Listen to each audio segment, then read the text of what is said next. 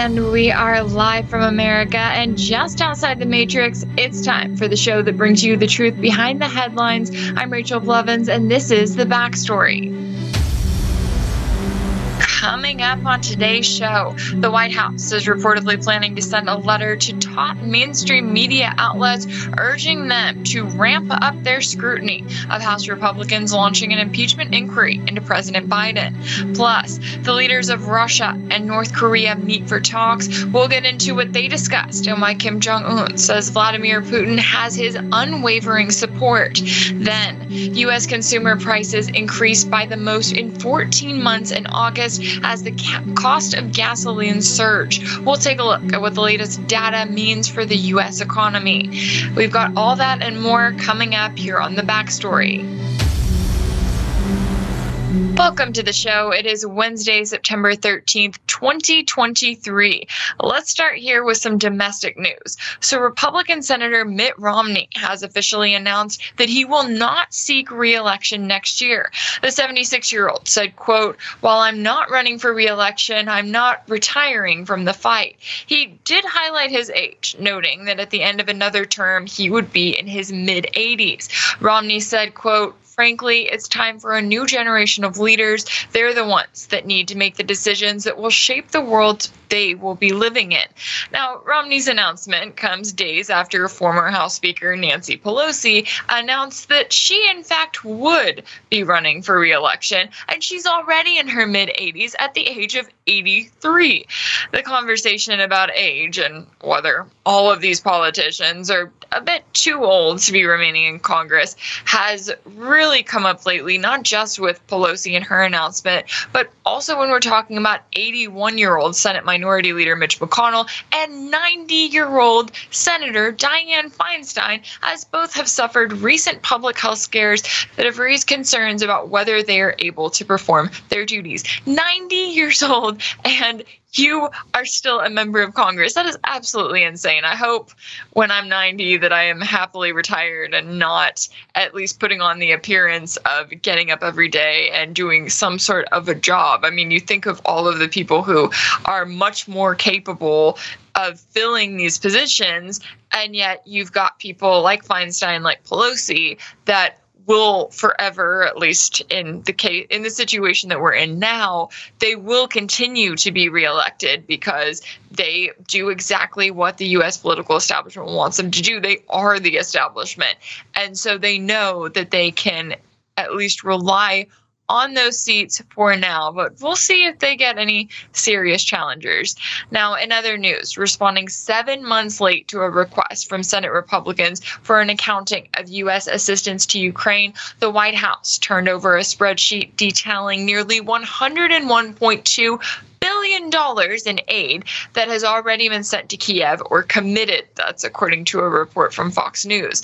The administration has an additional 9.8 billion dollars in Ukraine spending plan, as well as the 24 billion in new aid that Biden requested from Congress last month quote, we've got to stop sinking money into the Ukrainian money pit. That was Senator J.D. Vance, who was a Republican. He said that in reaction to the belated disclosure. Vance and dozens of other Republican lawmakers requested the Ukraine spending information back in January. And get this, they set a February 7th deadline for a response. So I guess maybe they would be, well, I don't know if they would be happy. They would probably be amused by the fact that the Biden administration finally responded now. It's like when you turn your homework in so late that the teacher forgot that that was the assignment, except in this case, we're talking about hundreds of billions of dollars in funding that Congress approved and the Biden administration sent over to Ukraine. And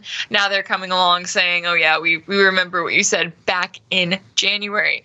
Now, getting to some other news from here in the US, six CIA analysts on the COVID discovery team were, quote, given a significant monetary incentive to report that the 2019 outbreak of the coronavirus did not originate at a lab. Two committees of the U.S. House of Representatives said that on Tuesday, citing a whistleblower from within the spy agency. So the Select Subcommittee on the Coronavirus Pandemic and the House Permanent Committee, uh, sorry about that, on Intelligence have received new and concerning whistleblower testimony regarding the CIA's investigation into the origins of the pandemic from a person described as a multi decade senior level current agency officer. According to the whistleblower, six of the seven members of the team believed that the intelligence and science were sufficient to make a low confidence assessment that the virus originated at the Wuhan Institute of Virology. Only one believed the virus came from an animal, but he was the most senior, according to a letter the two committees sent to CIA Director William Burns. Now, meanwhile, the White House has made no secret about the fact that it is not happy about House Speaker Kevin McCarthy giving the green light for an impeachment inquiry into President Joe Biden. So much so that the New York Post is reporting that Biden's White House is planning to send a letter to some of the country's most prominent news organizations, including well, most prominent in caps or in uh, quotations there, including CNN, the New York Times, and Fox News, urging them to ramp up their scrutiny of House Republicans for opening an impeachment inquiry, quote, based on lies. In a draft letter to news executives obtained by CNN, Ian Sams, a spokesperson for the White House counsel's office said that the inquiry has no supporting evidence, which should set off alarm bells for news organizations. Now, in response to this, journalist Matthew Keys tweeted and said, This is not okay. The White House should not be encouraging, influencing, or interfering in the editorial strategies of America's newsrooms, including CNN and the New York Times. He continued, quote, Now, anytime the media does try to hold Republican lawmakers to account, those lawmakers can simply counter by questioning whether it's actual journalism or something encouraged by the Biden administration. Yeah, something the White House should not be doing, but has been doing for a while now. So CNN is reporting that Sams is expected to send the letter to executives at CNN, the New York Times, Fox News, the Associated Press, and CBS News. In the draft letter, two news executives, it's being reported that Sams will ask them to not fall prey to the notion of false equivalency. Quote, covering impeachment as a process story, Republicans say X, but the White House says Y, is a disservice to the American public who relies on the independent press independent press to hold those in power accountable and in the modern media environment where everyday liars and hucksters peddle disinformation and lies everywhere from Facebook to Fox process stories that fail to unpack the illegitimacy of the claims on which us Republicans are basing are basing all of their actions only serve to generate confusion. Interesting, a little bit of insight there into what is very much the revolving door between the White House and to, and between a lot of those top mainstream networks. Now, if you're wondering what the response from the media is already before a letter like this has been sent out, well, they have been quick to justify the Biden family amassing so much wealth instead of arguably what they should be doing, questioning why it has happened and why he has so many shell companies. Take a listen to what the media has said about Biden corruption. Yes, ma'am. Can I just ask, what actual evidence do you have as opposed to allegations to show to the American public that would merit an actual impeachment inquiry of Joe Biden and prove that today isn't just about some of you? Oh, I don't know. McCarthy for the sake of enacting political revenge. Uh, this isn't about political revenge. We have the bank accounts. We can see, ma'am, you can see that the homes that the Bidens own can't be afforded on a, on a congressional or Senate salary. You also understand that it's not normal for family members to receive millions of dollars from overseas interests. Those things aren't normal. That's not normal to have 20 shell, shell country, companies. These things are not normal, and it alludes to not only just widespread corruption, but money laundering, if not influence peddling itself. And we also have the president, on, uh, the vice president at the time, on record saying that the prosecutor was fired. Well, son of a bitch the prosecutor was fired, right? Because the prosecutor was going after the, the company that his son was working on. That's what we have. If you can't see that, If you want, if you are that blunt, look, I'll turn it over to the attorneys. People can't see that. They think it's political revenge. It's because you don't report on it. No, no, you're not, We're I don't think, reporting on it today. I'm not sure how you know what the American people think, but here's what they might wonder. All right. And if there's any question of whether the Democrats in Congress will be possibly turning on Biden as we get into this impeachment inquiry, well, they held a press conference to clear any confusion right up. Let's take a listen to what top Democrats had to say about the whole thing. Extreme right wing ideology down the throats of the American people. President Joe Biden is a good man He's an honest man. He's a patriotic man. House Democrats will defend President Biden today. We will defend President Biden tomorrow. We will defend President Biden next week. We will defend President Biden next month. We will defend President Biden next year. We will defend President Biden until the very end. All right, a lot of repetition there, but we are also hearing from some Republicans. Now, specifically, Republican Congressman Matt Gaetz on Tuesday threatened to move to oust House Speaker Kevin McCarthy if he doesn't comply with his commitments to GOP hardliners. Gaetz vowed to go ahead with the motion to vacate the chair if McCarthy allows a stopgap measure or continuing resolution to receive a vote on the floor. Reports noted that Gaetz cited several reasons reasons for his threats, including McCarthy not holding votes on issues like term limits for lawmakers, term limits, which are very needed right now, or balanced budgets, also very needed right now. He went on to criticize McCarthy for not releasing the full security tapes from the January 6, 2021 protest on the Capitol, and Gaetz denounced McCarthy for what he called insufficient accountability for President Joe Biden's family and the lack of subpoenas filed against Biden's son, Hunter. Here's what else Gaetz had to say during that speech. Let's take a listen. And this House must be better, for it is the last best hope for tens of millions of Republicans. We demand real oversight against this weaponized government. Just look at the bribery. If tens of millions of dollars flowing from foreign corrupt people into the bank accounts of the Biden family wasn't enough for actual impeachment, why were we even looking? Joe Biden deserves impeachment for converting the vice presidency into an ATM machine for virtually his entire family. We all see it, we all know it. Now, moments ago, Speaker McCarthy endorsed an impeachment inquiry. This is a baby step following weeks of pressure from House conservatives to do more. We must move faster. Now, I will concede that the votes I have called for will likely fail term limits, balanced budgets, maybe even impeachment. I am prepared for that eventuality because at least if we take votes, the American people get to see who's fighting for them and who's willing to tolerate more corruption and business as usual. Mr. Speaker, dust off our written January agreement. You have a copy. Reflect on the spirit of that agreement and build on the start that we had moments ago. Begin to comply.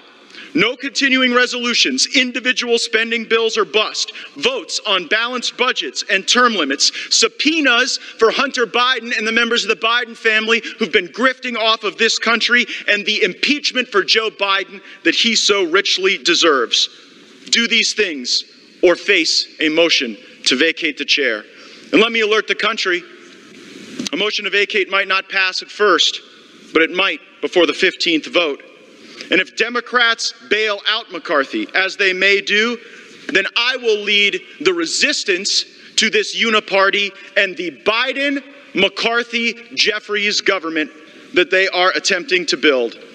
I know that Washington isn't a town where people are known for keeping their word. Well, Speaker McCarthy, I'm here to hold you to yours. I yield back. All right, let's get into all of this with our first guest of the day. Joining me now is Scottie Nell Hughes, host of the 360 View. Scottie, it's great to have you on the show today. Thanks for having me, Rachel. And I've enjoyed this very fair, uh, fair presentation of the events in Washington, D.C. over the past 48 hours because you're not hearing it from very many right now, as it is already obvious the media is taking sides at this moment of what political side they're going to take going into 2024.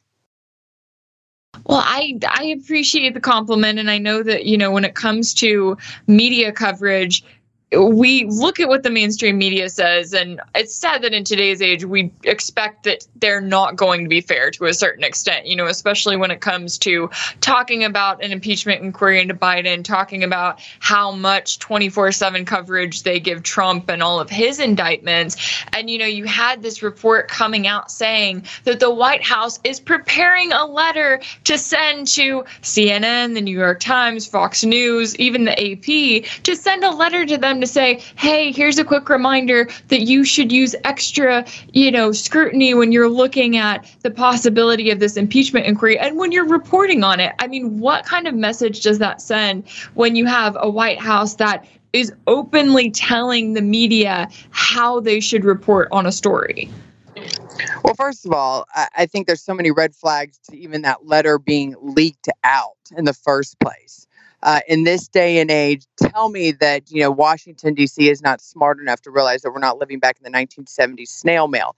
If that letter was truly meant to be sent, nobody. We, if there's one thing even journalists have learned, don't put things in writing unless you want the world to know. So the fact that that letter was put out, I think, was on purpose. It wasn't. It. You and I both know that the press secretary could pick up the phone, call any any news director in a newsroom, and say, "Listen, you need to put this under more scrutiny." Because guess what? That's what happens. You have members of administration call up and say, "What are you doing? Why are you reporting this story?" Because that's what happens. Text messages go back and forth. I've been on the set with lead reporters, both print and TV, when they've gotten text messages from at White House administrators going, you need to go with this route. You need to, you know, this, you're not saying this part of the story. That's just how it works. So the fact that there's this letter being prepared, but even more that it was leaked out ahead of time, because now the White House has deniability. We didn't say that. We weren't going to do that. That is just some false fake news rumor. That's the media, whoever reported that, trying to come out against us. Rachel, it is sad right now. I would have liked to think that we there used to be a time when people could listen to the news and not realize that there's usually an agenda behind every story that is being leaked out. I feel like whenever I listen to what's coming out of DC, I'm I'm looking at a game of chess and I'm going, okay, who are the players and who benefits and how do I stay three steps ahead of it to even potentially get the truth? And that what that's what gets me because they don't need to put out a letter to remind the media to stay in line. Just go to the every press conference that is being held right now in the in the in the White House press room, and you'll know that the media is quickly told you know where your bread is coming from. You know what side it's buttered. And if you don't pay attention, you're going to be starving out on the streets with the rest of the homeless people in Washington, D.C. right. that is a great point. And yeah, I mean, I think back to gosh, the Hillary Clinton emails and how it was almost this bombshell then that her team was communicating with reporters and the press and telling them what to cover, how to cover it, what to mention. That seemed like a big deal at the time. And then fast forward a few years, and now we're in a position where it's like, yeah, you just kind of expect that there's going to be that dialogue there. And that, especially for some of those mainstream outlets that are spending so much time covering the Trump cases, then when it comes to a possible Biden case, it's like they're going to take a step back and look at a way to cover that. Do you think that, you know, we, I mean, every year it seems like we get a new Gallup poll of the American people saying, we do not trust the media, we do not trust what they're saying. Do you think that the American public realizes just how much influence there is in that mainstream media coverage when it comes to things like a possible impeachment of the sitting US president. Well, that's what's interesting about this because I think the media is playing a huge role in all of this. You know, the, the average person complains about politics today, and yet they turn on the mainstream media they can complain all they want, but then they turn and they give viewership and they give eyeballs. So until everybody decides, you know what, we're just not going to watch it, and you're seeing some of those numbers decrease, we're not going to pay attention to the Washington Post. They're still going to continue to live and thrive and get their message out there. But here's the bigger issue when you look at this impeachment, which is once again how we've seen through history how the media has been used to manipulate the narrative and the American people's opinion. It could potentially be happening here because You already see on both sides impeaching Joe Biden works for them. From the Democrats' perspective, absolutely. I think they do want Joe Biden to be impeached. Why?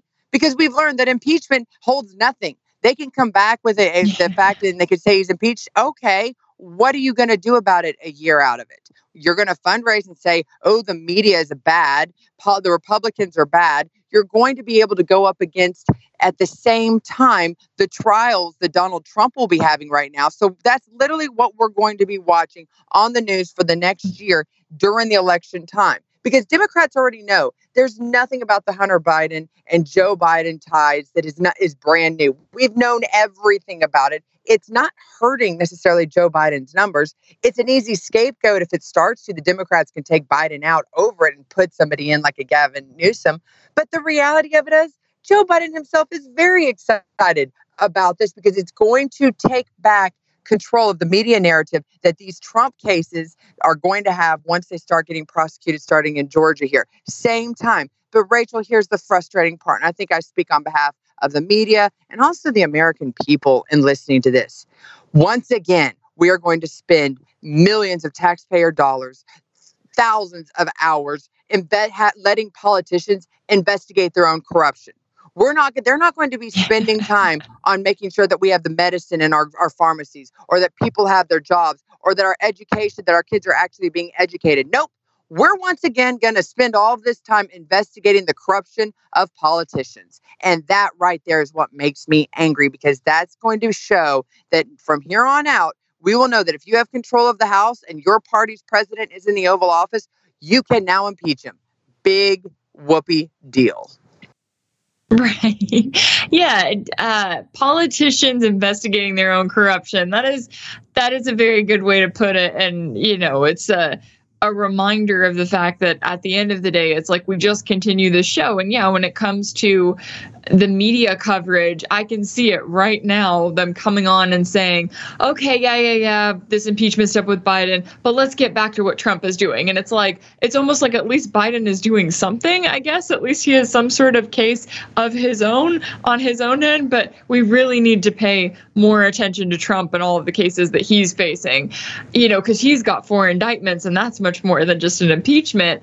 How, what are you expecting to come out of the media coverage as we get closer and closer to the presidential election. And yes, there is such a focus on Trump, but now there's almost the media being forced to kind of talk about Biden because of the fact and to really talk about the Hunter Biden scandal, right? Because that's the thing that the media has kind of tried to gloss over and be like, oh, you know, whatever, it's foreign business dealings, but Joe wasn't really that involved. And then it's like, okay, well, we get it confirmed that he was very involved.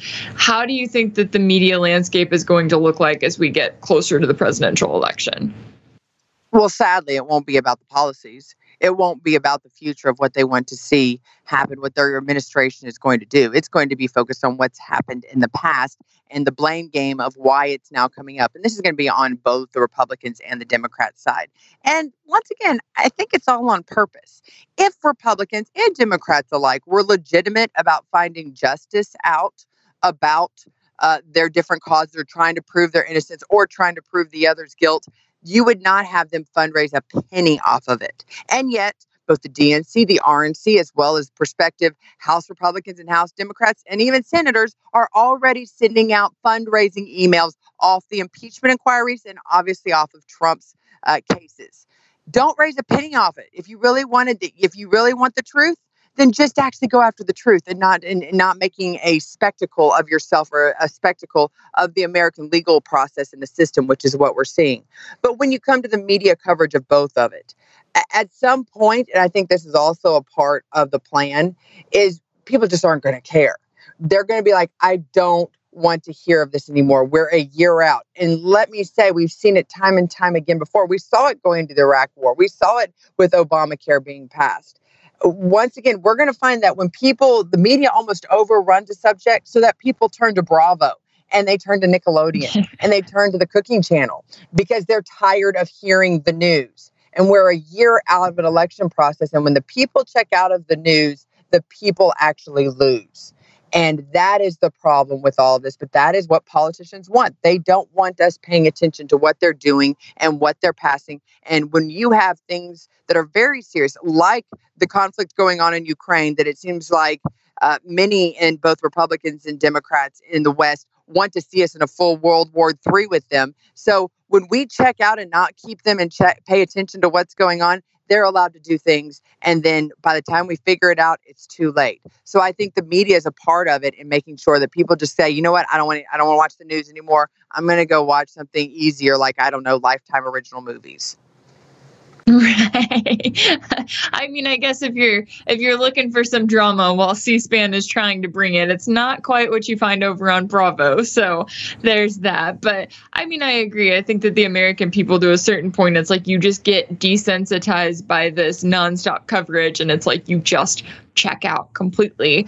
Now, while I have you on, I do want to ask you about kind of the state of Republicans right now, because we listened to that clip from Matt Gaetz, and it's really interesting because you think if you've got a Republican House Speaker who says, hey, we're moving forward with an impeachment inquiry, then the idea is that all the Republicans are on board and they all get together and they all say, yep, the Democratic president is bad. Here's why and they're kind of one big team. But when you're listening to Matt Gaetz, he's saying, like, hey, we have legitimate issues that we need to be discussing, that we need to be focusing on. And that's not to say that impeachment isn't important, which, as you noted, it's not really expected to lead to anything. So, to a certain extent, it isn't important. But he's talking about term limits, balanced budgets, like things that the American people care about, things that Congress should care about if it didn't hurt their uh, possibility at staying in office until the age of 100. But what do you make of those comments from Matt Gaetz and really just the state of where Republicans are right now as they get into this impeachment inquiry? Well, I, I, tiptoe around giving Gaetz any sort of compliment because with him, you never know what tomorrow is going to bring. But today, he's in the right and I think he's in the right that even even Democrats would agree with. I think a majority of people in America would look at it and go, "We need term limits in office." Just like some might even think we need closed primaries in most states. There's a lot of things that the parties can agree on, and Matt Gaetz today is presenting those. The Republican Party is definitely still as much divided as it has always been. And if the Republicans, honestly, I've always said, if you really wanted impeachment inquiry, you should have done it the day after you maintained control of that or you got control of the house. That would have been a legitimate, not here a year later. At this stage, let the American people be put the Bidens on trial. Let us get the truth and let's know everything that's out there. But let the American people, they're the ones that really decide and, and put teeth into impeachment. It's called you're out of office. But everything that happens for the next year will look political and it will be a distraction from what people really need to know why these candidates are running and what they're planning to do with it instead of, once again, just taking care of their own or policing their own. Yeah, yeah, absolutely. Oh, and one more thing, Rachel. I, I, know you saw the news, but it was a bit. It's it's somewhat of a big shakeup. It shows a little bit of where we think the momentum's going. Senator Mitt Romney from Utah has announced that he is not going to be running for reelection. He's going to retire. I don't know if I believe he's going to fully retire, but I do think that it will be very, uh, that is a big turn into where he feels like at least the state of Utah would be going for his reelection campaign and where he feels like the momentum's going. Yeah, I'm glad you bring that up because I was going to ask you about the age. Oh my goodness, we are talking about all these people that not just elderly, but elderly to the point of, I mean, Dianne Feinstein being 90 years old, uh, Nancy Pelosi being 83 years old and running for reelection. It's like Mitt Romney's actually in the minority here, saying that he's not going to run for reelection and talking about his age. And he seems to be the only one aware of his age when it comes to sort of that older group and he's on the younger end of it. What do you make of the fact that we have so many members of Congress and we can throw Joe Biden in there when it comes to sort of US leadership who are continuing to push forward despite the fact that they are running into their 80s and even 90s? Well, that's a very interesting question. It's easy for you and I to look at. Um, and you're considerably I'll, I'll, be the first to admit that it wise in your years you're still you're still young as we've talked about there is something that is needed right now we need fresh energy fresh blood and that doesn't necessarily come with age it comes with uh, just the ability to not have been so ingrained when you've spent the majority of your career in Washington D.C. in an elected office. You're you have guaranteed lost touch with the common man, and yet you say that you're one of us. Uh, I don't know what's happened. I don't know if, if fishing and flannel is not as attractive as it used to be. I will tell you, as a girl in my 40s, fishing and flannel is very attractive right now. Um, I wish I had that ability, but yet these older generation just does not seem to to want to not only mentor but even give up their seats when needed. It's almost like they want to be forced out of office. And I don't know if that doesn't speak more into their panic, into what they see behind them. And I know that Nancy Pelosi, that just shows that I think she has less security about how someone like an AOC would run the party than she has ran it. Um, same thing with Republicans. when Mitch McConnell refusing to give up, despite having these health issues. Uh, that whatever is going on, there's something happening uh, for his own good. I don't understand why people are not stepping in, but that's where the people of the state that, that elect them need to step in and say no. Even though you know, out of respect for everything you've done, it's time for you to, you to go home and find another another career choice. Knitting is a beautiful thing.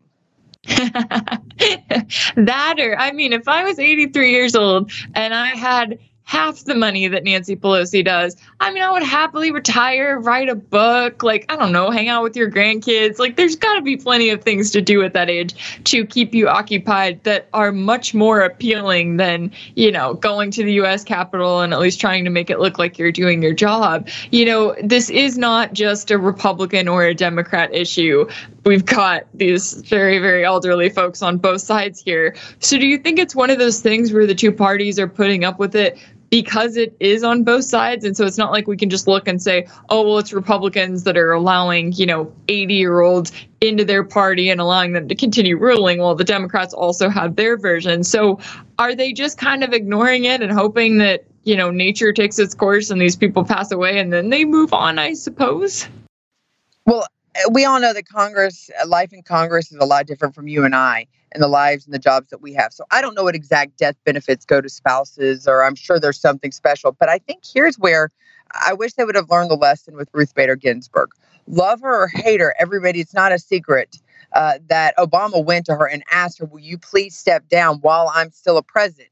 It is for the best of our country, it's for the best of, of the Supreme Court. And she did it. And she died in office, and that office was under Trump. So guess what? There was a Republican, and, and you saw the, the court uh, switched basically became more into the conservative uh, conservative column. I, I, would have thought Democrats would have learned from that that it would be actually better for both parties to go find solid uh, leaders in a younger demographic that could be in there. I mean, if they're going to keep these career politicians for 20, 30, 40 years, go find yourself somebody that is younger, that is just as solid, but will be there for 30, 40 years to guarantee the seats stay that way. I think this is ego. I think this is stupidity on both parties. And I think it just speaks to this idea that these older ones are not having a realistic view of what the they don't care about the future they only care about their own power uh, at this moment and that's very dangerous yeah, yeah, it is. And I think that that applies to, you know, someone like Joe Biden as well. He's had plenty of issues. He's not he's not to the level of Mitch McConnell quite where he just freezes up, but I mean, it seems like he can't get through a press conference sometimes without being escorted off stage or mumbling incoherently. Like he's got his own issues, but he continues to try to push forward regardless. Do you see Democrats allowing that essentially. And this is no matter if he is impeached or not. But I I will bring up one of the articles that the Hill, I believe, posted this week where they were talking about five alternates to Joe Biden for 2024. And I saw that and I think if the Hill's talking about that, is there a chance that there's kind of some rumblings within the Democratic Party saying, well, Joe Biden may not be it in 2024. We hope that Kamala Harris isn't it with all of the issues that she's had. Maybe that's what they're thinking as well. And with her popularity, do you think that there's enough rumblings there that we could see someone else thrown into that spot before 2024 gets here? Listen, I was shocked that Joe Biden made it through his first year. Uh, and that was just because some of these things were showing up already. I was one of those that thought that he would have stepped down for health reasons and we would have had Kamala Harris. but I don't think they realized who they were getting when they put Kamala as vice president. And there's full panic mode going, there's no way we can have her as vice president. So therefore, Joe kept the office. I do think that, and this is also not only about his health, but also this impeachment inquiry, those are insurance plans. That yes, there are valid excuses for Joe for uh, for the uh, president to step down.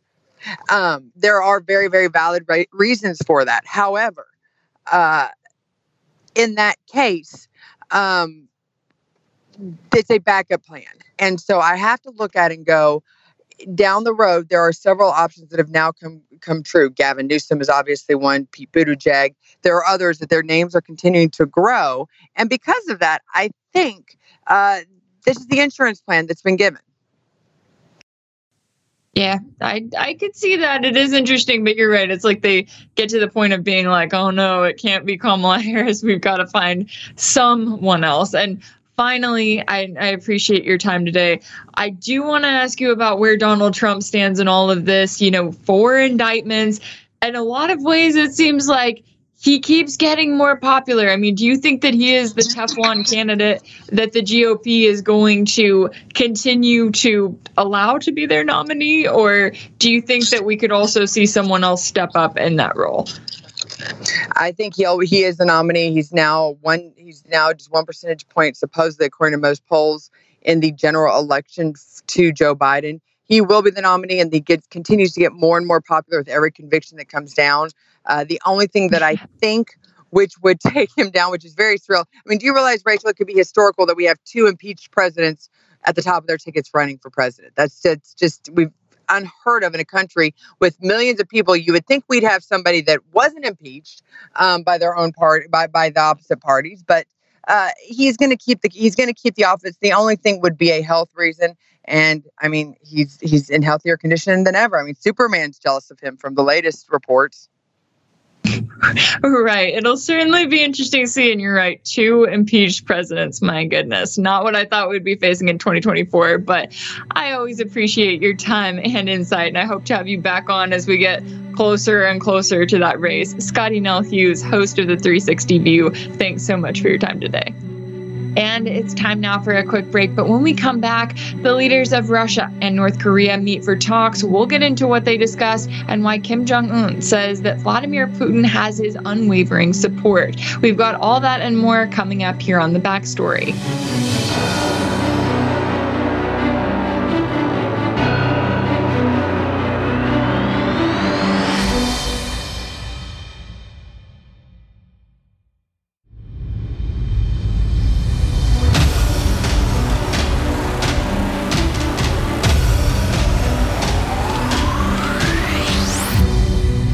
Welcome back. I'm Rachel Blevins, and this is the backstory. So, for our next story, we're covering a very highly talked about meeting.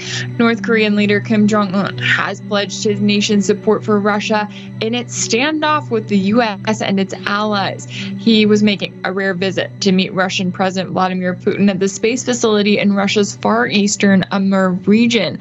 Now, Kim went on to say, quote, Russia has risen for a sacred fight to protect its national sovereignty and safety against hegemonic forces. He said, we will stand together with Russia against imperialism. Putin, for his part, said, quote, We are proud of the development of our space industry, and this facility is new for us. I hope you and your colleagues are interested in it. That's as they were touring the facility where the Korean officials were given a tour of the space launch site. Now, negotiations between the Russian and North Korean delegations followed the remarks by Putin and Kim and lasted approximately an hour. That's according to Kremlin spokesperson Dmitry Peskov. The two leaders then had a one on one meeting. U.S. officials warned Kim ahead of his state visit not to sell weapons to Russia. Neither Moscow nor Pyongyang has expressed any intention of engaging in such an arrangement. And and Russian Defense Minister Sergei Shoigu visited North Korea back in July when Pyongyang celebrated the 70th anniversary of its truth with truce with South Korea. The U.S. was the primary participant in the international force that intervened on the side of Seoul in the 1950 Civil War on the Korean Peninsula, and the USSR and China supported the opposing side in the conflict. A little bit of history there. Let's get into all of this now with our next guest. Joining me now is KJ Noh, a journalist, political analyst, writer, and teacher specializing in the geopolitics of the Asia Pacific region. KJ, it's great to have you on the show today. Thank you. Pleasure to be with you. Now, when it comes to this meeting between Putin and Kim, do you see it as a message to the West about Russia's alliance with North Korea? And what is the significance of these talks? Yes, it's exactly that. It is a message to the West. It's specifically a message to South Korea. It's a message as well to Japan.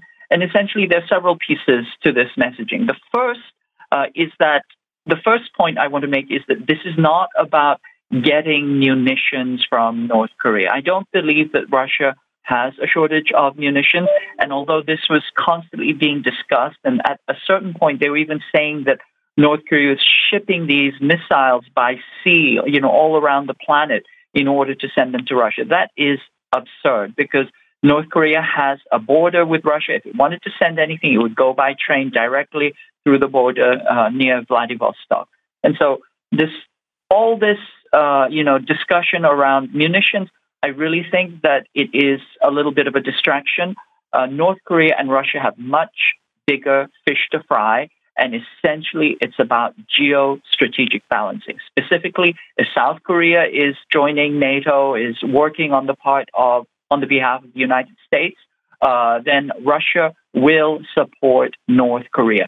Currently, South Korea had, South Korea and the United States have overmatched on the peninsula, but with Russian technical assistance, and that seems to be very much part of some of the discussions that has happened.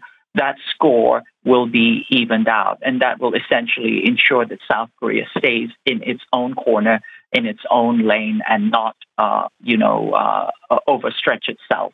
I think that's one message that is being sent.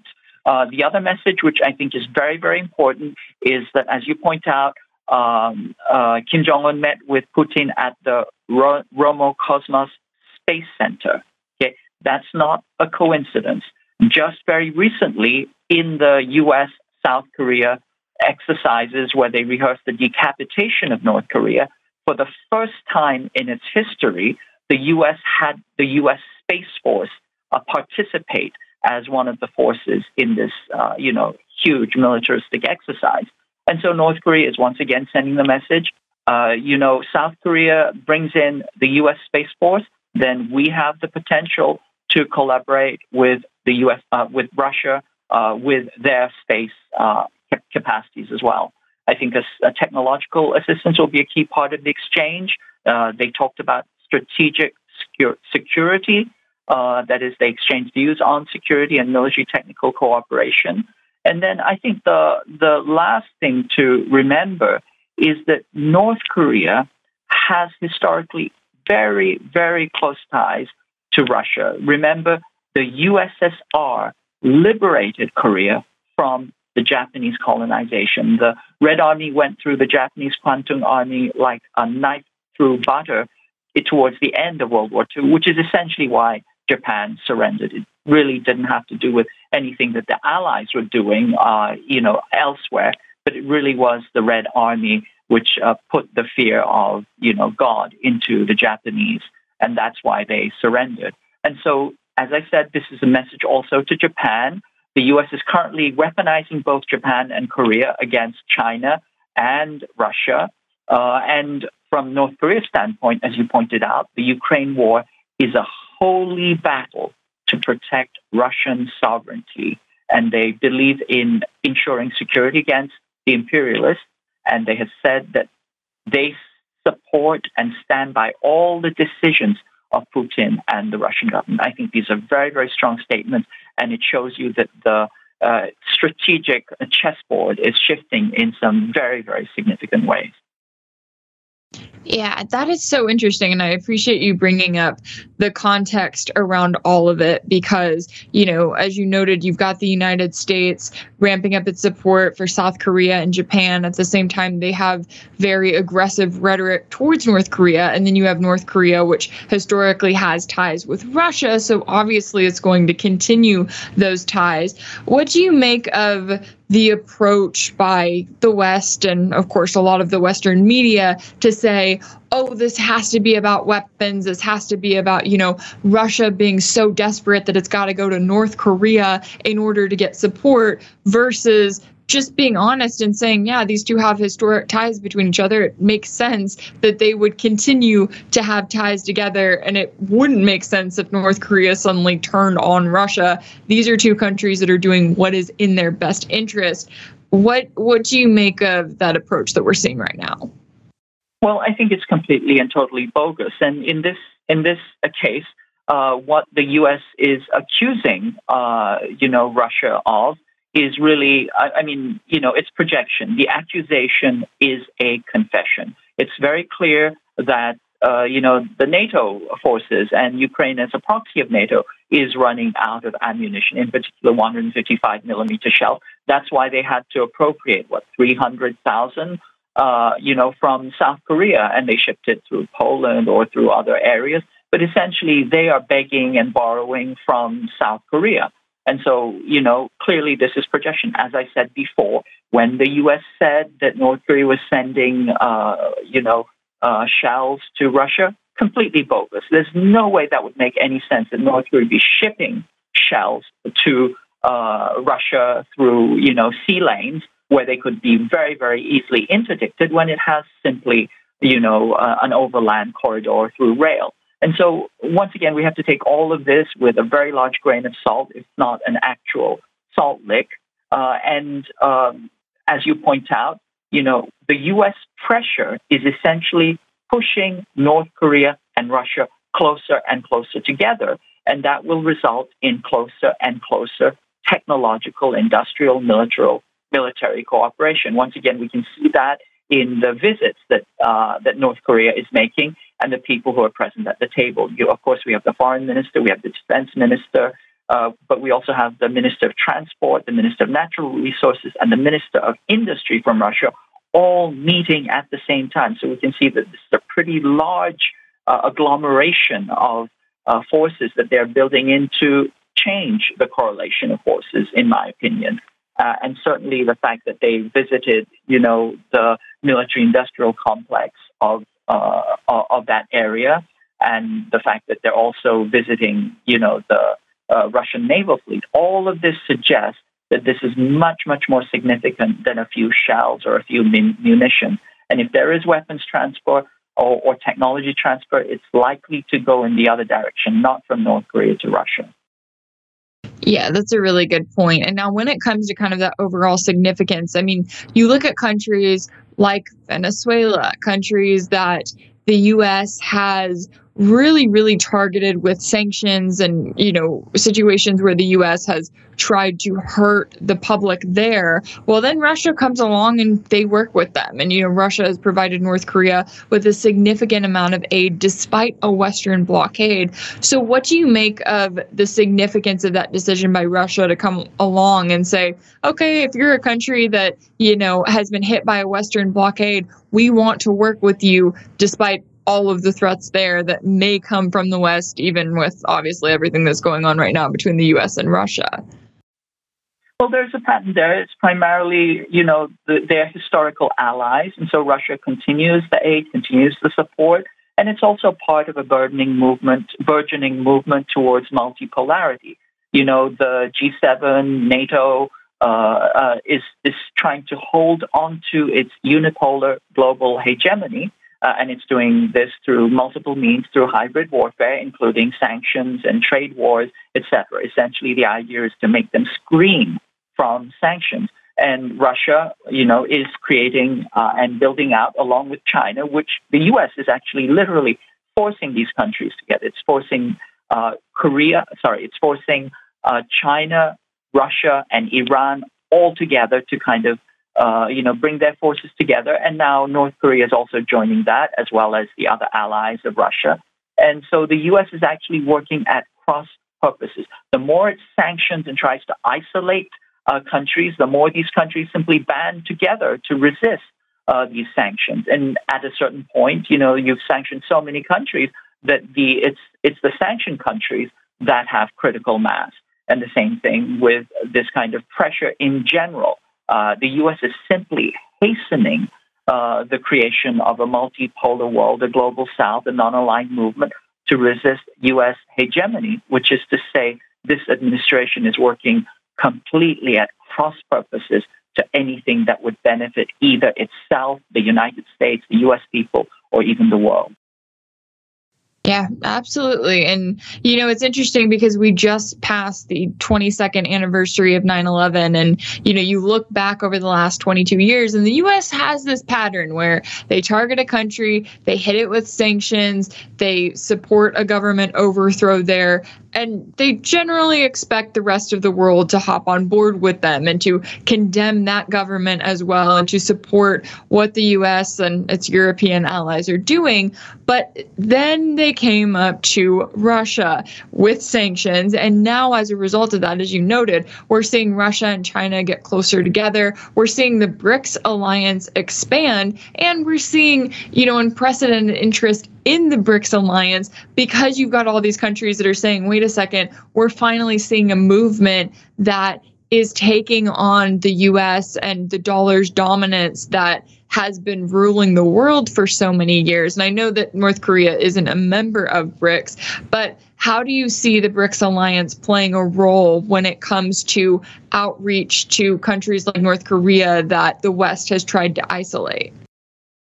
Well, I think certainly it will be outreaching eventually. North Korea is not first on the you know kind of list, but I think that you know now we have the BRICS plus uh, BRICS plus 11 countries, and it will continue to expand. There's a long list of countries, uh, some which are very very uh, you know large and have large economies, uh, which will join soon. I would not be surprised if Turkey and other countries uh, in the global south join uh, fairly rapidly what we can note already is that we see the, the majority of the uh, fossil fuel powerhouses, the energy powerhouses, are joining or have already joined BRICS. We're talking about UAE, uh, Saudi Arabia, uh, already Russia, and Iran. And so that is significant. And of course, as we know, the dollar is tied to the petrodollar.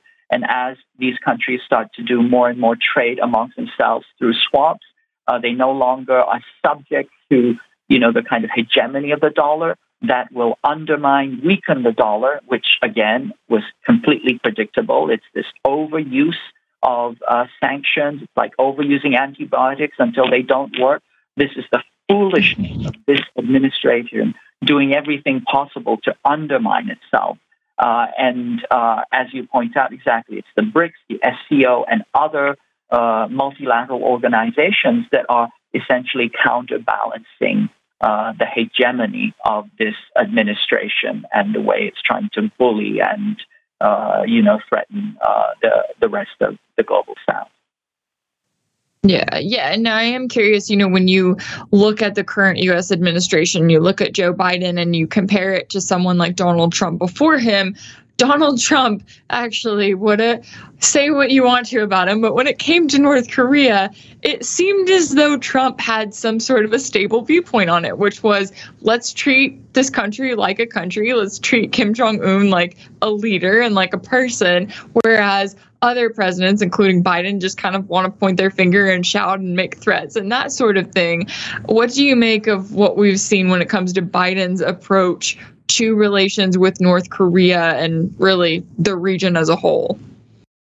Well, I think anything that Donald Trump, anything that you want to criticize Donald Trump for, uh, Joe Biden has made much, much worse, or he has continued and made much, much worse. So, for example, Trump's, uh, you know, uh, competition with China, Joe Biden just took took it uh, one more step and is now on the verge of collapsing the U.S. Uh, chip industry because of this, uh, you know, extreme foolishness, this purely, you know, poorly thought out uh, stratagem. And regarding North Korea, I absolutely agree with you. Trump was, I think, really uh, probably one of the few uh, American leaders who understand understood that the best way to deal with North Korea is to de-escalate and to treat it as uh, a rational country because it is. I mean, the North Korea, believe it or not, has been around longer uh, than was around longer than the Soviet Union. It is not going to go away, and it's certainly not going to be bullied into extinction. And so the best way to deal with it is what Donald Trump was doing, which is to make a deal. You know, he was thinking of normalizing relations with it, you know, possibly even moving towards a peace treaty. And so all of these were incredibly positive uh, developments, but of course he was undermined by his own uh, lieutenants, uh, neocon lieutenants, who seem to have also, uh, you know, uh, reestablished themselves in the Biden administration. And all of this is just essentially escalating the Pacific towards a kinetic war. Remember, any escalation towards North Korea is really an escalation aimed at China. North Korea is simply a stalking horse or a pretext for escalating against China, and that makes things extraordinarily dangerous. North Korea has an alliance with China, and the Chinese understand that any hostility directed towards uh, North Korea is a hostility directed directly at them. In other words, this Biden administration not satisfied with uh, having this catastrophic war, uh, proxy war in Ukraine, seems to want to escalate to yet another war, an ambidextrous war, a war with yet another nuclear powered uh, superpower uh, with which it does not have anything close to overmatch. These are acts of, to put it frankly, insanity. Yeah, absolutely. And when it comes to World War III, no one wins in that situation. So the hope is always that cooler heads will prevail. But I do always enjoy talking to you on these issues, and I appreciate your time breaking everything down. KJ Noh, journalist, political analyst, writer, and teacher specializing in the geopolitics of the Asia Pacific region. Thank you so much for your insight today. Thank you. Always a pleasure. And it's time now for a quick break. But coming up next hour, we'll get into the latest forecast for the U.S. economy under good old Bidenomics, and we'll discuss plans for a prisoner swap between the U.S. and Iran and how it stands to impact tensions in the region. You don't want to miss it here on the backstory.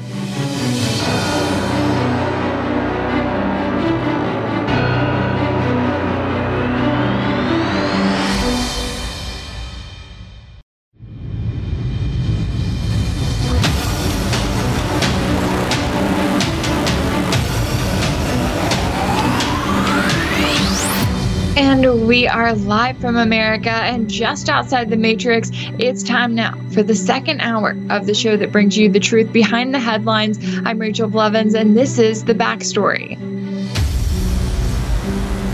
Coming up this hour, U.S. consumer prices increased by the most in 14 months in August as the cost of gasoline surged. We'll take a look at the latest data and what it means for the U.S. economy.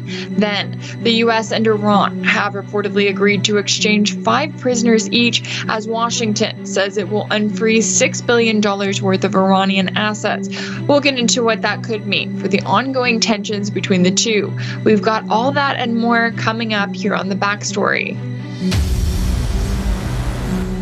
Welcome to the second hour of the show. Now, there is a clip that has been going viral on social media.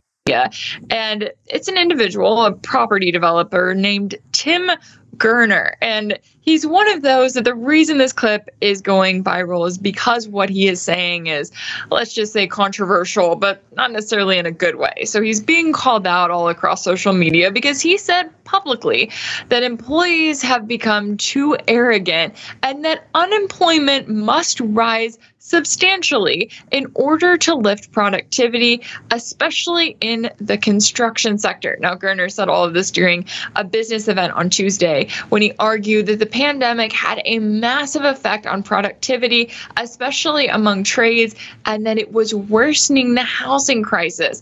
Let's take a listen to a clip now from what Tim Gurner had to say.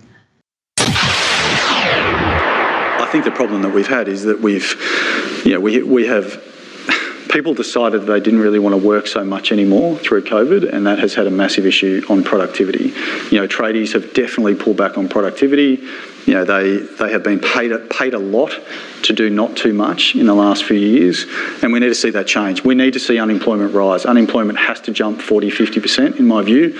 We need to see pain in the economy. We need to remind people that they work for the employer, not the other way around. Mean, there is a there's been a systematic change where employees feel the employer is extremely lucky to have them, um, as opposed to the other way around. So it's a dynamic that has to change. We've got to kill that attitude, and that has to come through hurting the economy, which is what the whole global, you know, the, the world is trying to do. The governments around the world are trying to increase unemployment to get that to some sort of normality. And we're seeing it. I think every employer now is seeing it. I mean, there is definitely massive layoffs going off. People might not be talking about it, but people are definitely laying people off, and we're starting to see less arrogance in the employment market, and that has to continue because that will cascade across the cost balance the economy has to hurt. Interesting comments there. Now, as the Sydney Morning Herald reported, Gurner is the owner of the Gurner Group, which has more than 4,500 apartments under development across Australia. He rejected the assertion that immigration was worsening the housing crisis. He said, quote, we absolutely have to have immigration. Australia doesn't work without immigration. And if we're not growing, we're dead.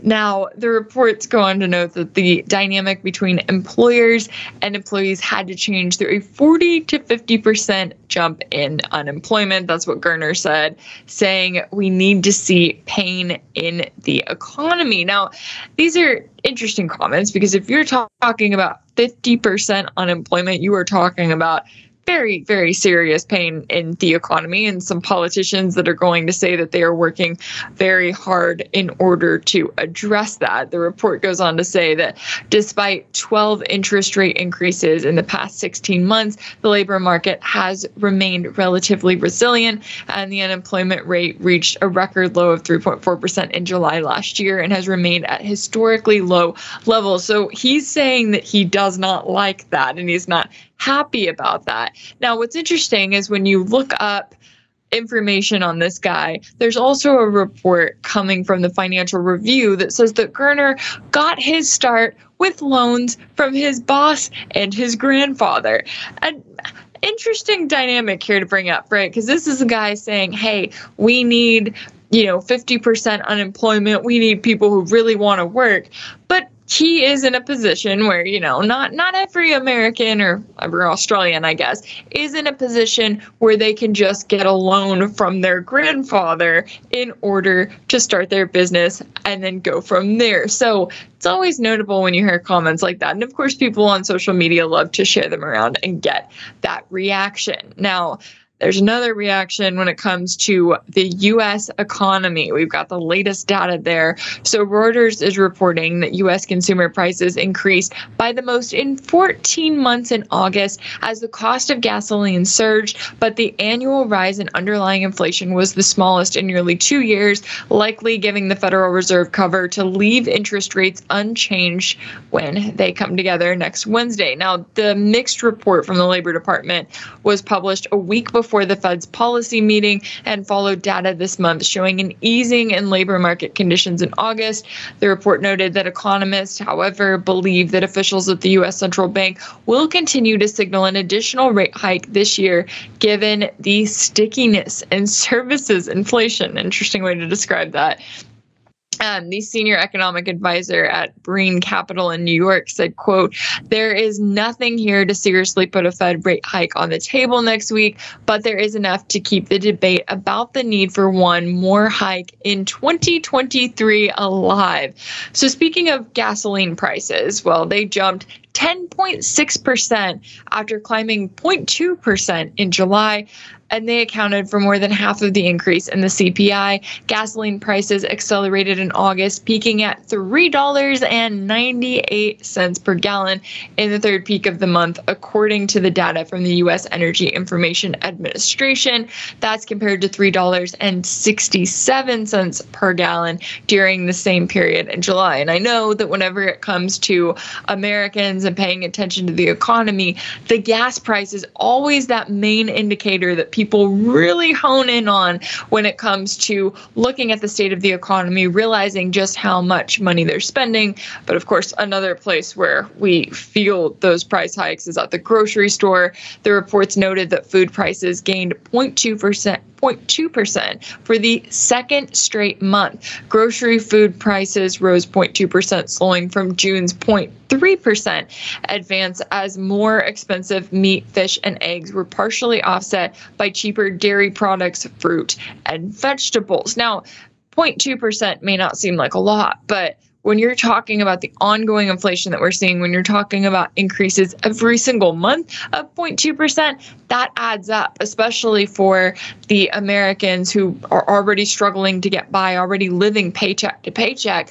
Those basic necessities are what they are going to be keeping an eye on. Now, all of this comes as another report is finding that the income and poverty data released by the census showed how deeply the country's recent economic outcomes were influenced by the COVID pandemic and the government response to it. Emphasis on the government response to it, with a measure of child poverty more than doubling following the expiration of pandemic era child tax credits last year and the worst inflation in 40 years, undercutting household spending power. Yeah, that is not surprising at all that that has been the outcome. Now, the report goes on to say that the child poverty rate, based on a supplemental measure that adjusts for government benefits and household expenses, jumped to 12.4% in 2022 from 5.2% in 2021. Overall, the supplemental poverty rate rose to 12.4% in 2022,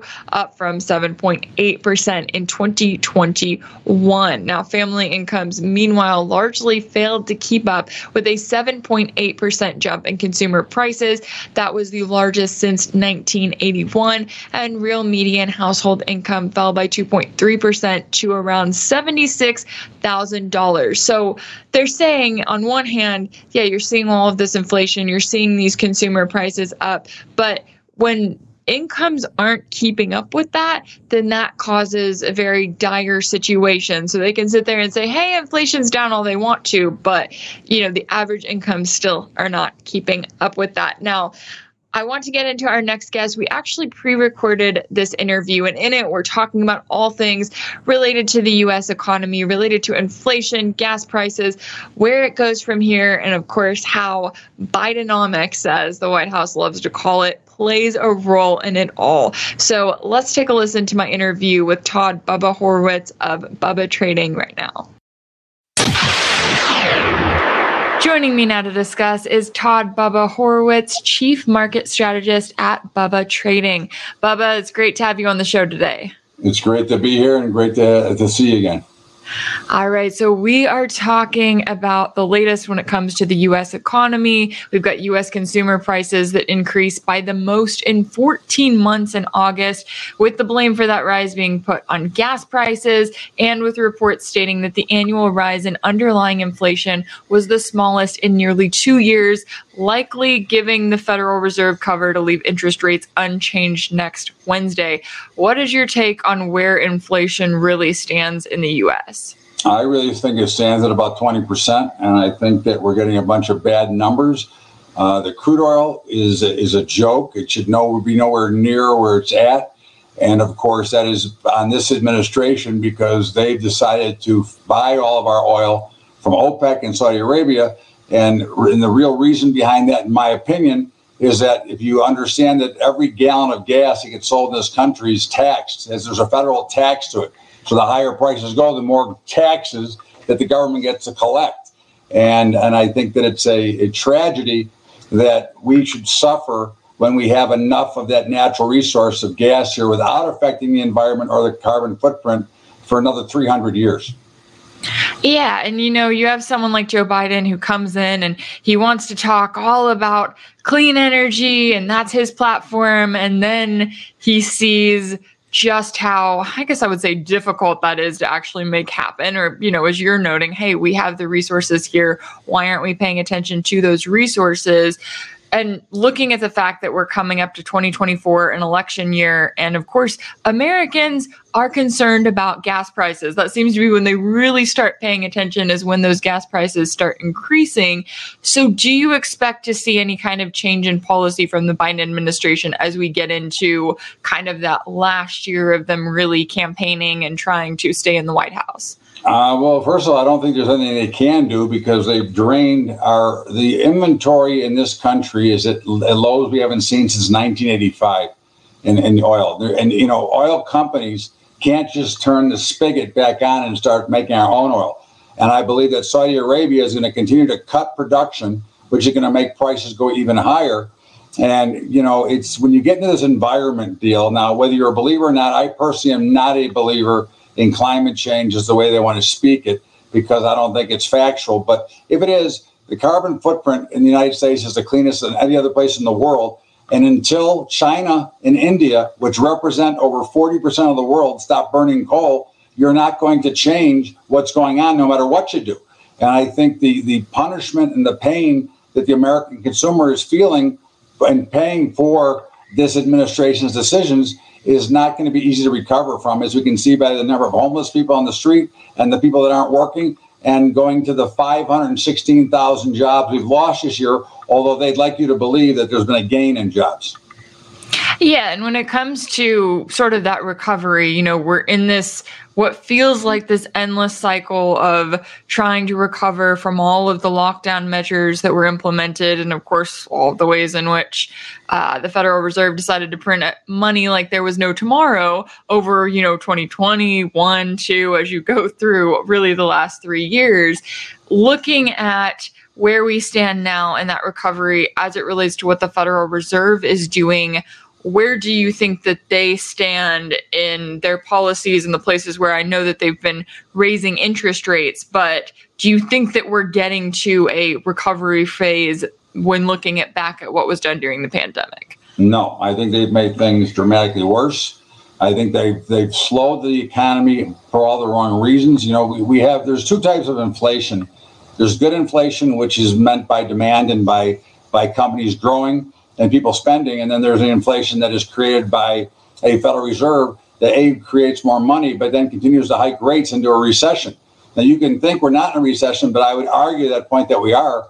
And I would tell you that the 10 year notes, which is the key benchmark for mortgages and for everything else, is going to be at 6% probably by the end of the year, which would put mortgages over 10% this year. So, uh, you know, again, we have to remember that right now, nobody talks about this, but the banks, they borrow from the Federal Reserve. The emergency lending rate is at all time record highs right now, which tells you that no matter what they say about the banks, they're over leveraged and there's going to be a problem. And I would not be surprised to see a duplicate of what happened in 2008.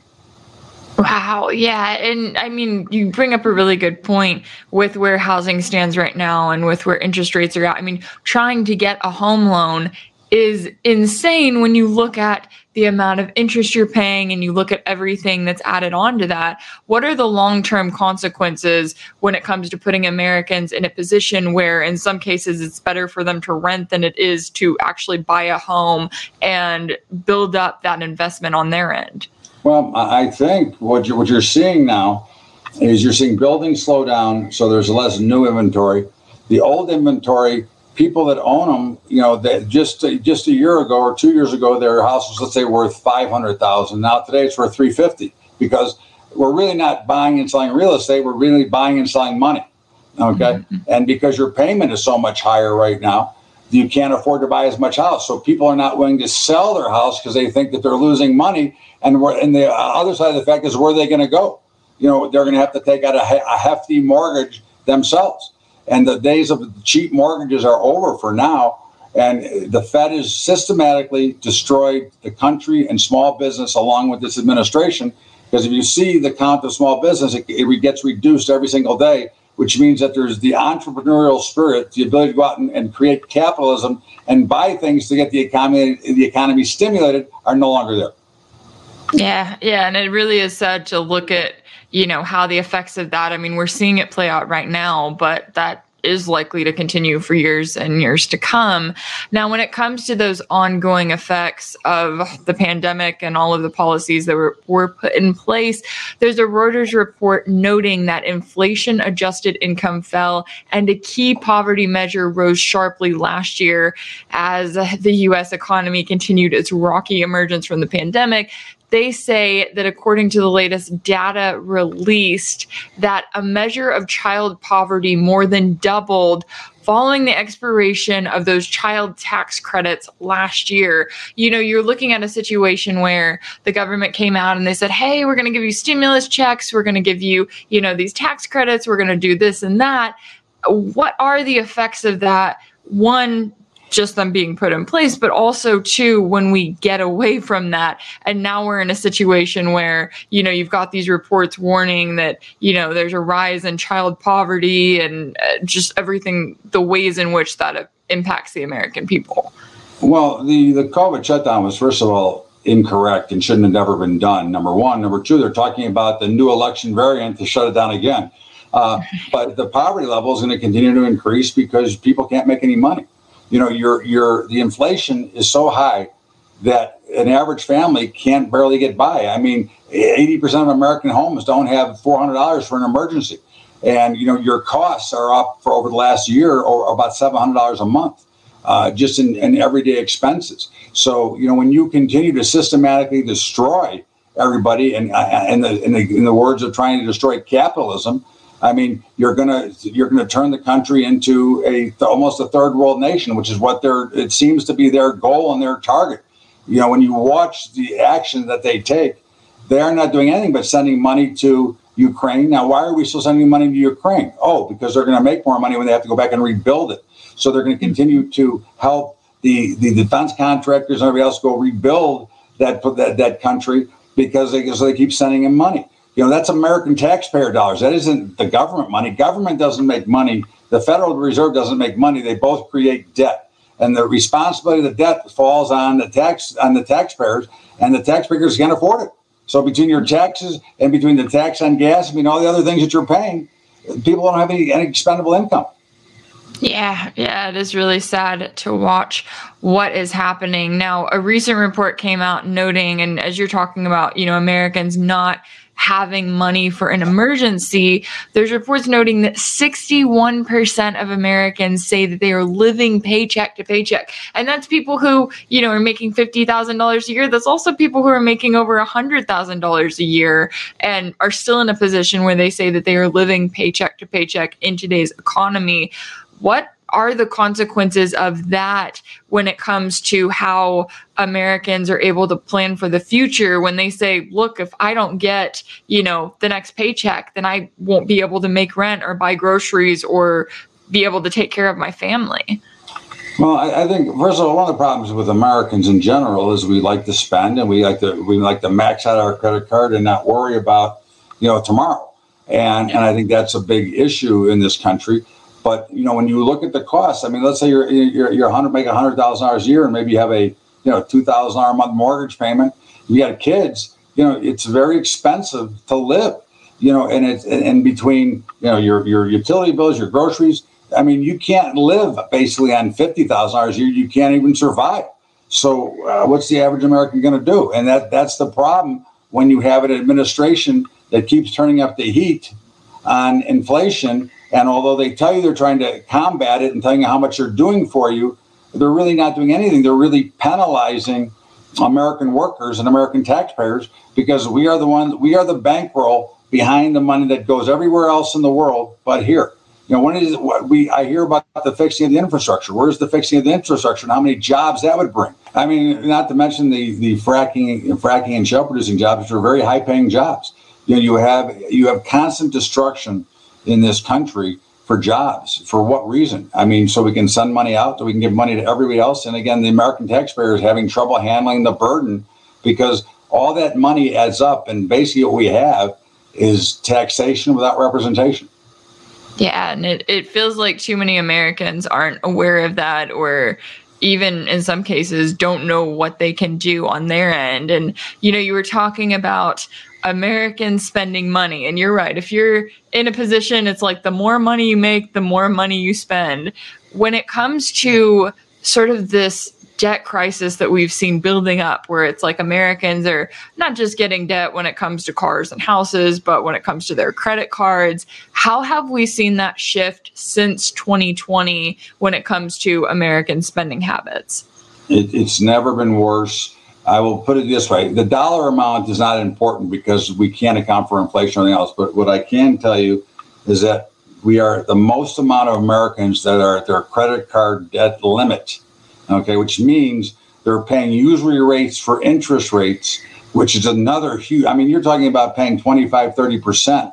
And of course, that's because the credit card lobbyists beat the bankruptcy filing on credit cards, and they, they can they're allowed to charge what are, what are known as usury rates, which are almost loan sharking.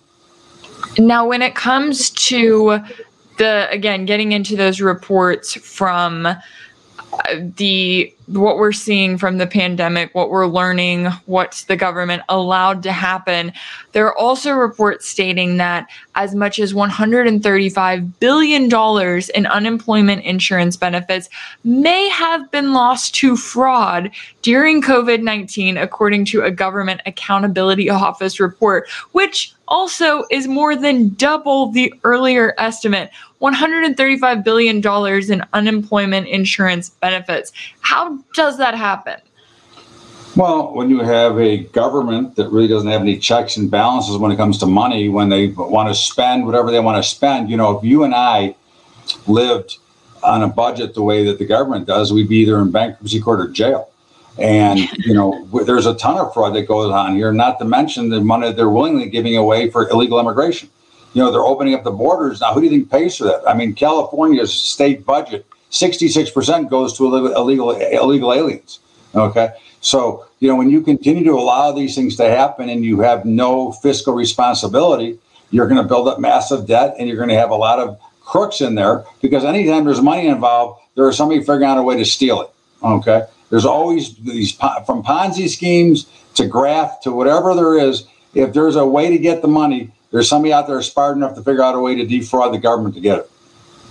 Yeah, yeah, that that makes sense, and they seem to have found a way. You know, when it comes to looking at how much money was handed out during the pandemic, and you know whether it comes to loans, grants, you name it.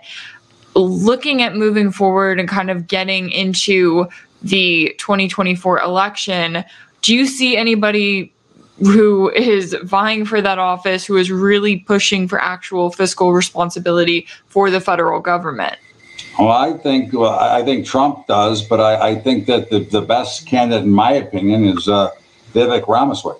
I think that he is someone who tells it like it is and, and is looking for fiscal change. And again, you know, I, I think that over the years, the parties have gotten so far apart. You know, it used to be the Democrats and Republicans were very close, and the difference was some of the liberal issues or some of the social issues, right? And now it's become so far apart, and I think uh, Ramaswamy brings it back towards the center. Fiscal responsibility, more of a libertarian point of view, which is what I agree with, which is what I stand for. Yeah, I think, you know, he's one of those candidates who he says some things I really agree with and he says some other things that I wonder about, but you know, I'm I'm curious to see how far he gets in this race because it does in a lot of ways feel like we've kind of gotten into this same cycle, you know, when it comes to Trump on one end and then whoever it is that the Democrats put up. Presidents that are 100 years old. right. Well, and members of Congress too, right? You look at Nancy Pelosi says she's running again at the age of 83. I mean, I would think that at the age of 83, and of course, with the amount of wealth that she has on her end, would she not want to go retire instead of continuing to carry on the same policies you, you that, know what? you know? It's an interesting stat. If you take the top 10% of Congress in the Senate, okay, their worth is $4.8 billion. Okay. Wow. And the salary is 174,000. So where did all that value of worth come from? right. that's that's an excellent question. Gosh, it's crazy to think. It's like no wonder they are literally career politicians. They've got it figured out, you know, and all those claims of insider trading from members of Congress that we were talking about in 2020 and it still does not seem like there's any resolution to that. So does it feel like we're just locked into one of those cases where the game is rigged and the players have figured it out and the American people at least feel like we're on the ride? Um, I think until the American people rise up, which I don't think is that far away, okay, I think we're getting closer. And until they demand term limits, until they demand change, you know, we will be in, in this same cycle. And of course, you can see what's going on right now. And if you know, you hear the party in power now talking about you know that the, the rich don't pay enough taxes and and they're they're for the small guy. Well, why are they putting the small guy out of business? And why are they making it easier for Google and Meta and and Twitter and those guys to make more money? Okay, at the expense of the uh, average taxpayer. You know, they destroy the ability for somebody to be the next Steve Jobs and build a computer company in his garage. So there's there's a lot of issues, and until the American people rise up, and I don't think it's that far away because I think that finally people are realizing that that the government is not doing a very good job.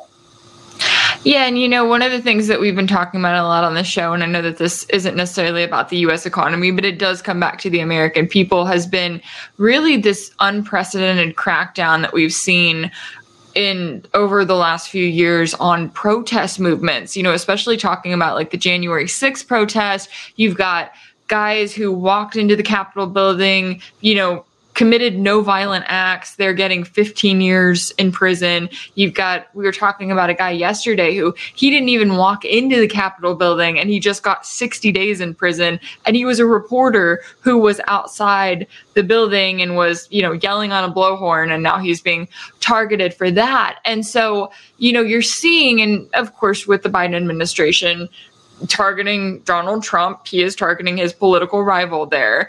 And when it comes to the consequences of that, you know, you've got the American people in a situation where, you know, they're struggling to get by paycheck to paycheck. As you noted, you know, small businesses are struggling. The middle class, which we desperately need in this country, is struggling. Does that put the American people in a place where they are in a position to rise up, even knowing that you have a federal government that is cracking down on any kind of protest movements and essentially trying to ruin the lives of the people involved as a way to set the example and set a lesson for others not to follow. But do you think that there's going to be backlash from that?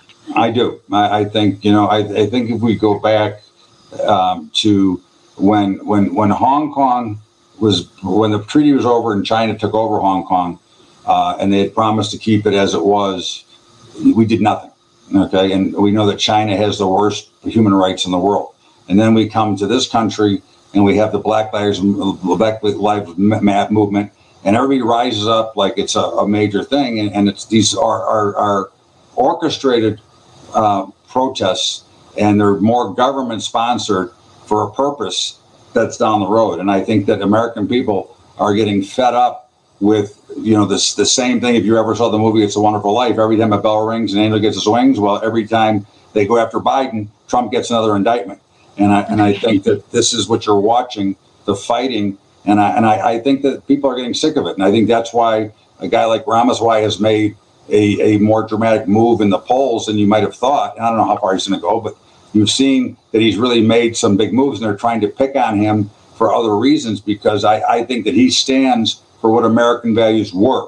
I don't think that we're there. And I think that if you look at this country today versus 20 years ago or 40 years ago or 50 years ago, we are not the same country. We're not the country that is the innovators and the, the moving forward and going way above everybody else and forcing the rest of the world to catch up to us.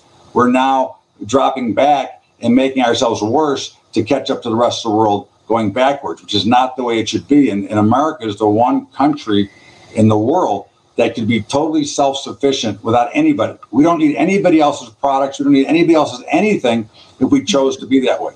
And, and I think that's the idea that we should continue to pursue and, and force others to do better and not to continue to, to treat, you know, child slavery and all the things that go on. Yeah, and when it comes to that ability to be self sufficient, you know, we're watching right now when you look at China, Russia, and, you know, the new countries that are looking at joining the BRICS alliance, you're seeing this unprecedented push for a multipolar world order from a number of countries that are watching what the United States is doing and saying, no, I don't want to be reliant on that. I want to be able to be a player in all of this. They're rising up on their end. Do you think that that's something that the U.S. government realizes is, is happening and is paying attention to, or do you think that they are just so set on continuing on in this same path that even though it has been really destructive for the country, the economy, and in the future, the American people? I think they're too dumb to recognize what's going on right now, and I think this is what this will be. I think what will bite them uh, because if you look around, you know, go from the climate accords, you look at all the nations that are dropping out of, of the climate accord changes and the, the things that everybody was all, all up, up in arms against years ago, they're dropping out because they realize that at what cost do you want to get to a clean environment? And again, I, like I said, I don't believe in climate change, but if you want cleaner, great. But you have to figure out at what cost you're going to get there. And we don't have a plan in this country how to get there. And, and these are just part of the problems that I think people are finally starting to recognize that are problematic. And I think if, if they really do go through with the next possible COVID shutdown, okay, which is rumored right now, but there's already places demanding you wearing a mask again. I think that might be the straw that breaks the camel's back, and you might see a major uprising then. Yeah, you see the American people in a position where they're like, no, no, I put up with all of this. I did all of this. I complied. And what did we get for it? And a few years later, you know, we're right back there where we started. Um, certainly a lot at stake here. And I know this has been a wide ranging conversation today, but I really do appreciate your time and insight on this one. Todd Bubba Horwitz, Chief Market Strategist at Bubba Trading. Thanks so much. My pleasure. Thanks, thanks for having me. And it's time now for a quick break. But when we come back, the U.S. and Iran have reportedly agreed to exchange five prisoners each as Washington says it will unfreeze $6 billion worth of Iranian assets. We'll get into what that could mean for the ongoing tensions between the two countries. You don't want to miss it next here on The Backstory.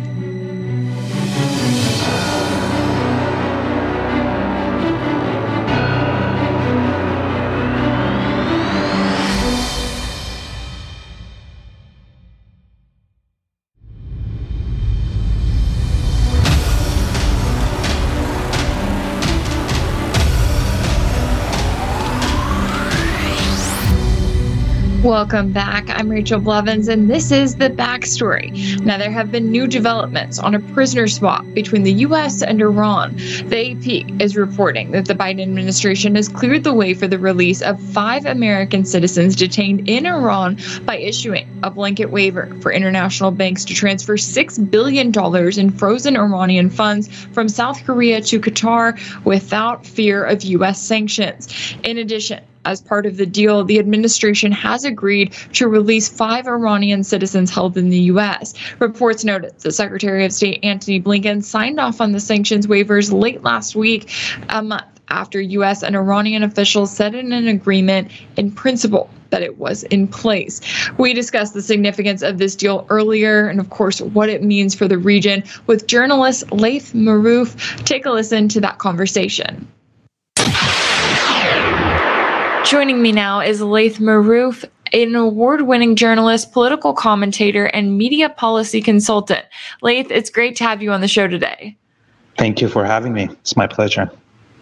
Now, according to what we know about this deal, five U.S. prisoners held in Iran will be exchanged with five Iranians held by the U.S., and Iran will gain access to around $6 billion of its assets that were frozen abroad. So, what is the significance of this deal? Well, it's a great success for Iran to, on the one hand, uh, get back some of its uh, citizens that are uh, captive in the United States, but also to receive such an amount of the looted, frozen money that the United States um, withheld from Iran uh, along with its allies. But uh, one thing that I would caution here is people not to get too excited about this because just last week the United States looted another Iranian tanker with almost a billion dollars worth of oil. So the United States will continue uh, acting as a pirate, uh, and it will you know, kind of steal back that $5 billion some other way.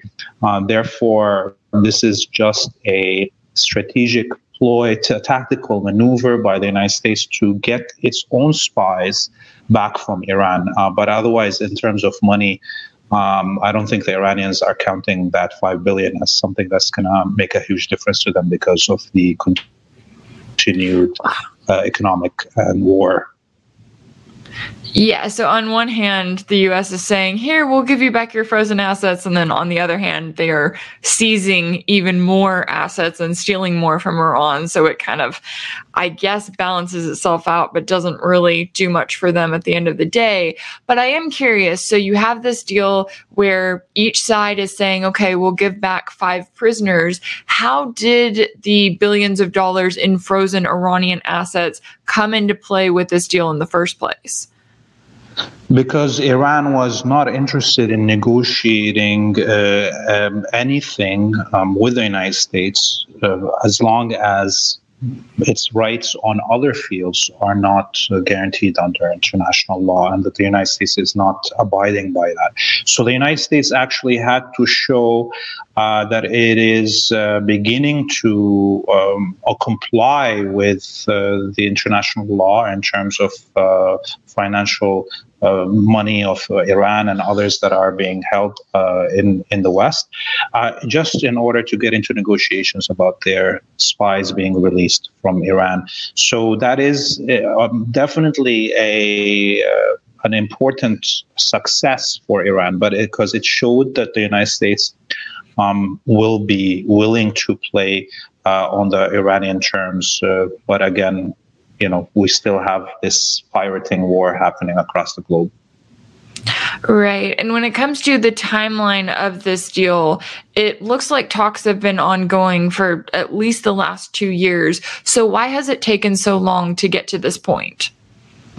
Because the United States and Israel were not interested really in reaching, uh, uh, you know, real success in these negotiations. They were, as we know, uh, delaying uh, as much as they can in hopes that they can mount a campaign of war against Iran when the time comes to be. Similarly to what we saw the West doing with Russia in terms of Ukraine uh, between the Minsk agreement and the beginning of the war uh, in Ukraine. So that was all a delay tactic of the United States to get itself ready and its allies for a war in Ukraine.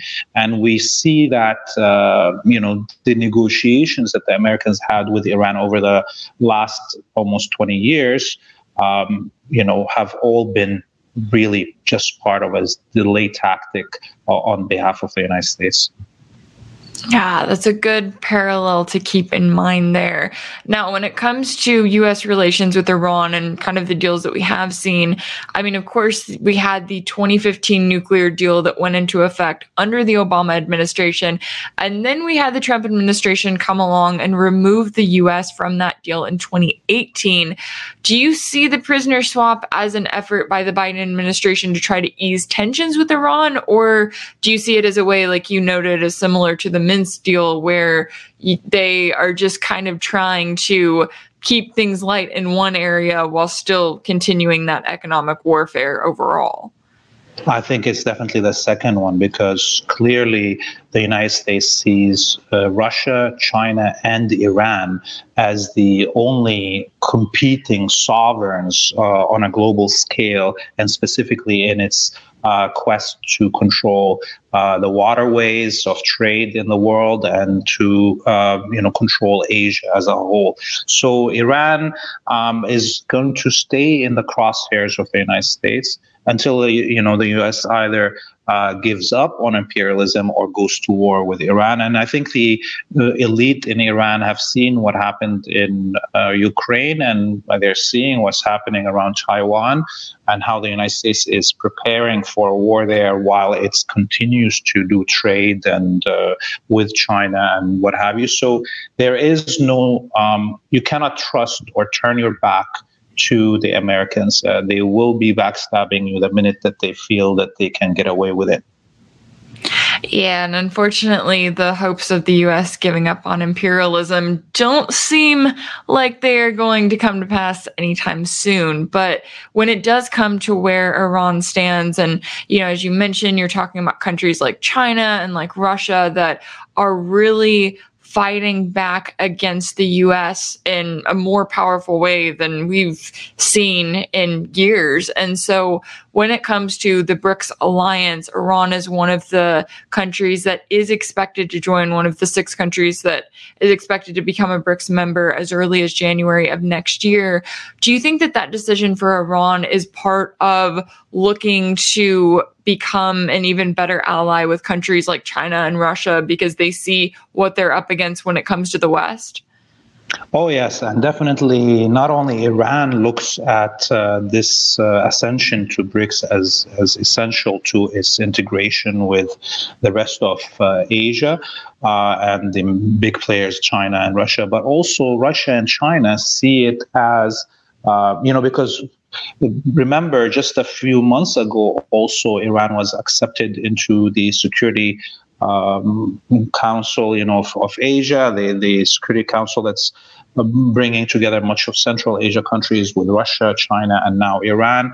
Uh, so you see an integration of this kind of a fortress happening in uh, Asia to protect from interference by the West. So it is uh, at, at, the same time, last week in the G20, we saw the US sign a deal between India, the Saudis, and Israel to and the United Arab Emirates to build a, a counter to the road and belt, um, um, you know, a, a corridor for trade that goes from the Emirates to Haifa in occupied Palestine uh, to counter, of course, that wooden belt. And I and this is uh, already, uh, you know, scaring uh, Egypt because the Sina Canal is going to be affected if trade doesn't go through it, and if, of course, uh, it is, you know, rattling all the all the states that are trying to be part of the Belt and Road Initiative uh, because now we have a competitor and competition in the American mind always ends up with war. This is not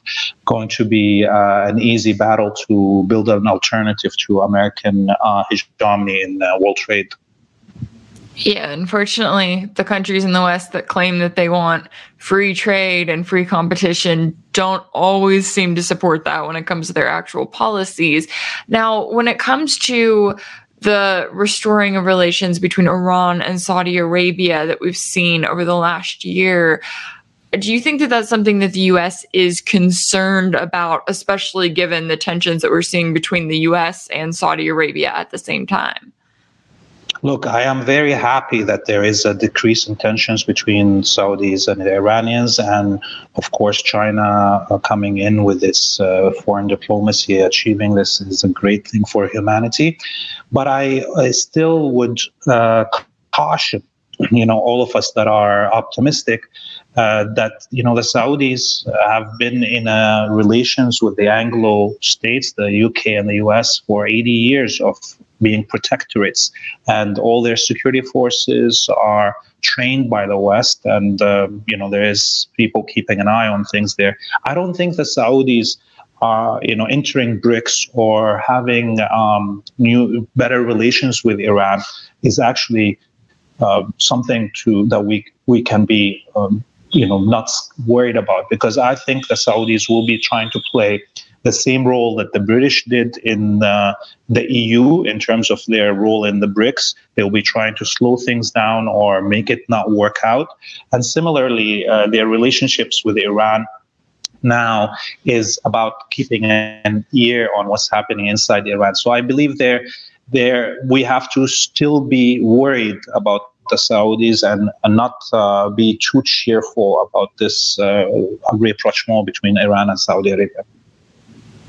Okay, that's that's good to keep in mind. Now, when it comes to the prisoner swap deal between the US and Iran, is there a chance that the US is using at least these talks as a way to try to persuade Iran from breaking away from working with Russia?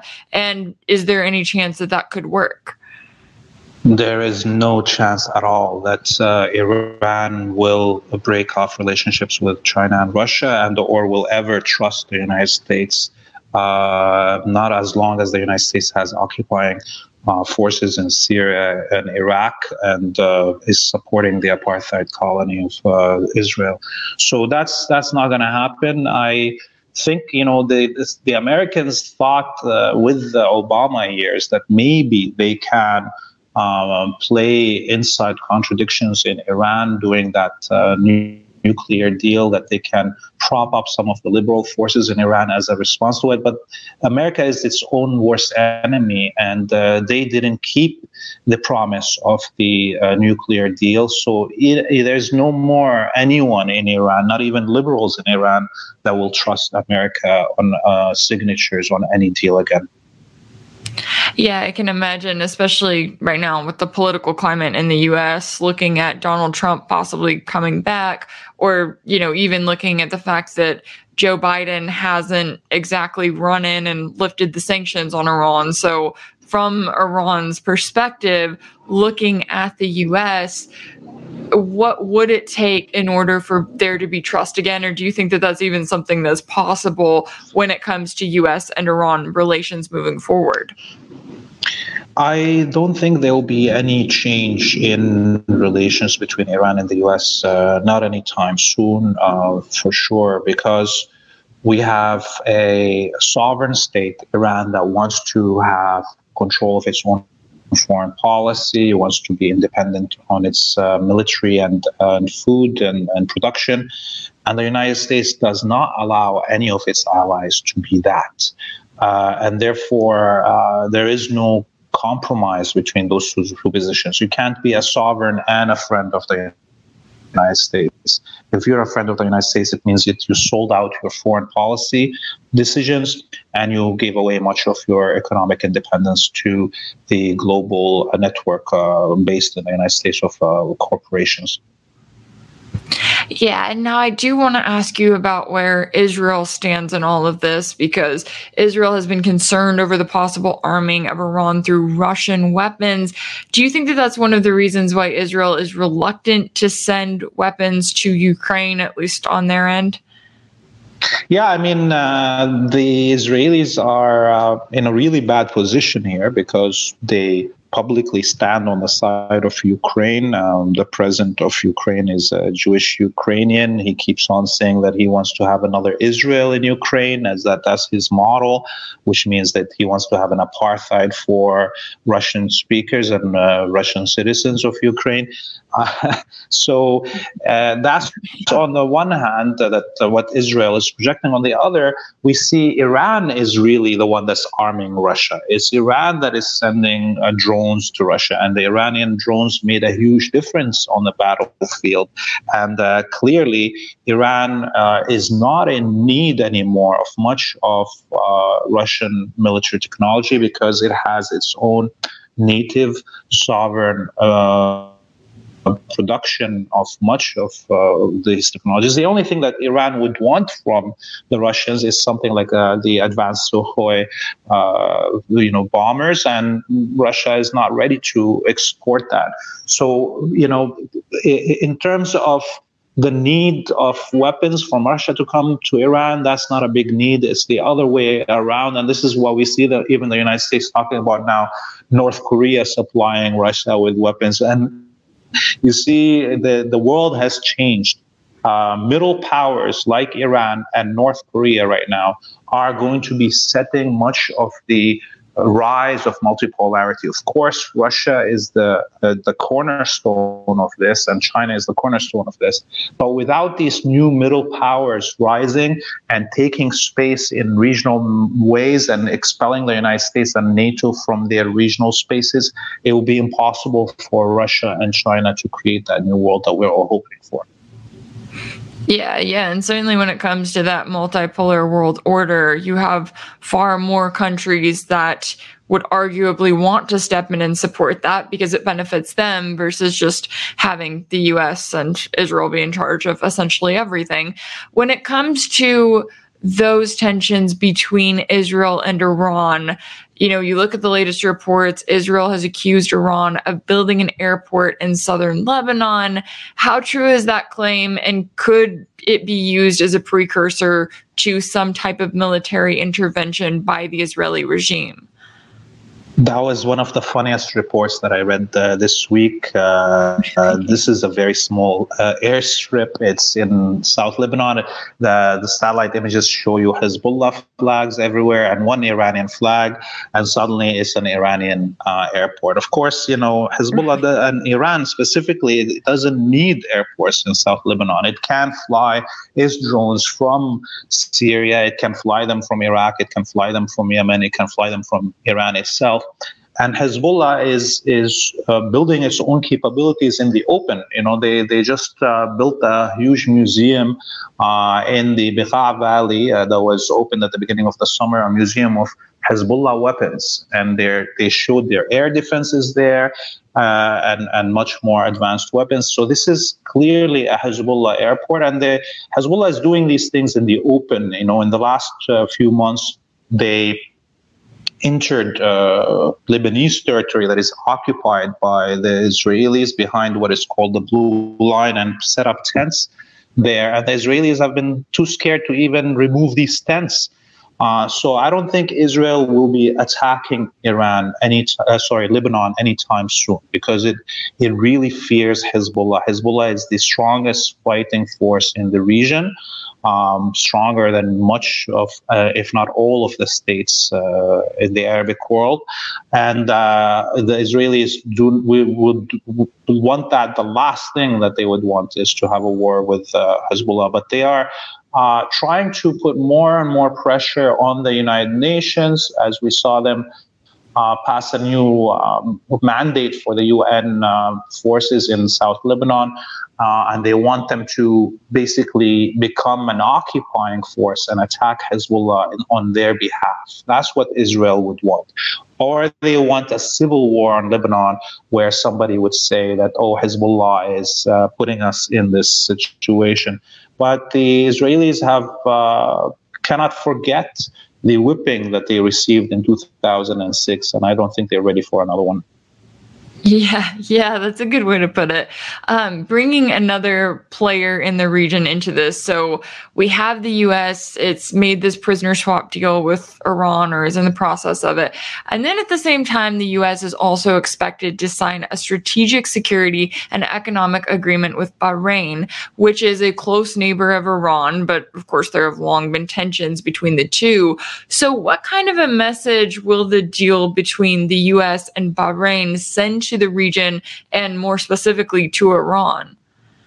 So Bahrain is, um, you know, a country that has been a vessel again of the Anglo forces since uh, World War II, um, and you know, Bahrain is currently occupied by Saudi troops because you know the Bahraini people who are majority Shia started demonstrating in 2011 when the quote unquote Arab Spring started and uh, their the ruling family is just a branch of the Saud family that the British brought in from Saudi Arabia and installed in Bahrain, a Wahhabi uh, Sunni family to rule over the Shia population.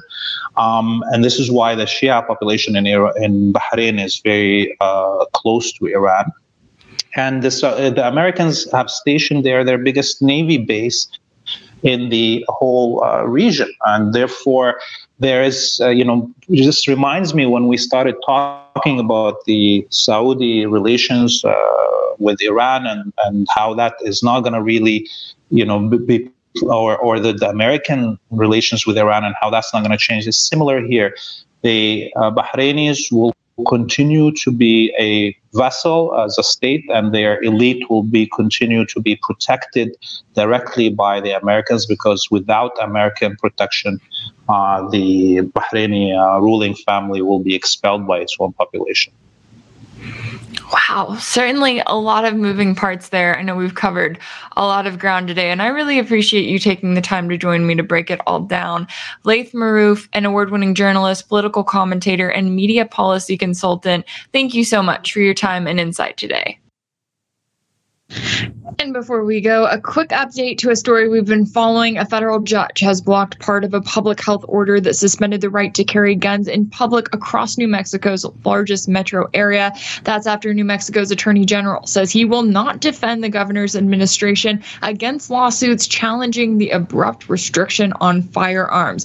We'll continue to keep an eye on this story and bring you more updates as it develops in the days to come. And that's all for now. Be sure that you're following the backstory on Rumble Rumble. You can also follow me on Twitter and Telegram at Rach Blevins. Thank you so much to today's guest, to our production staff, and to our control room over in DC for making the show possible. And of course, thank you to you for listening. We'll see you right back here tomorrow on The Backstory.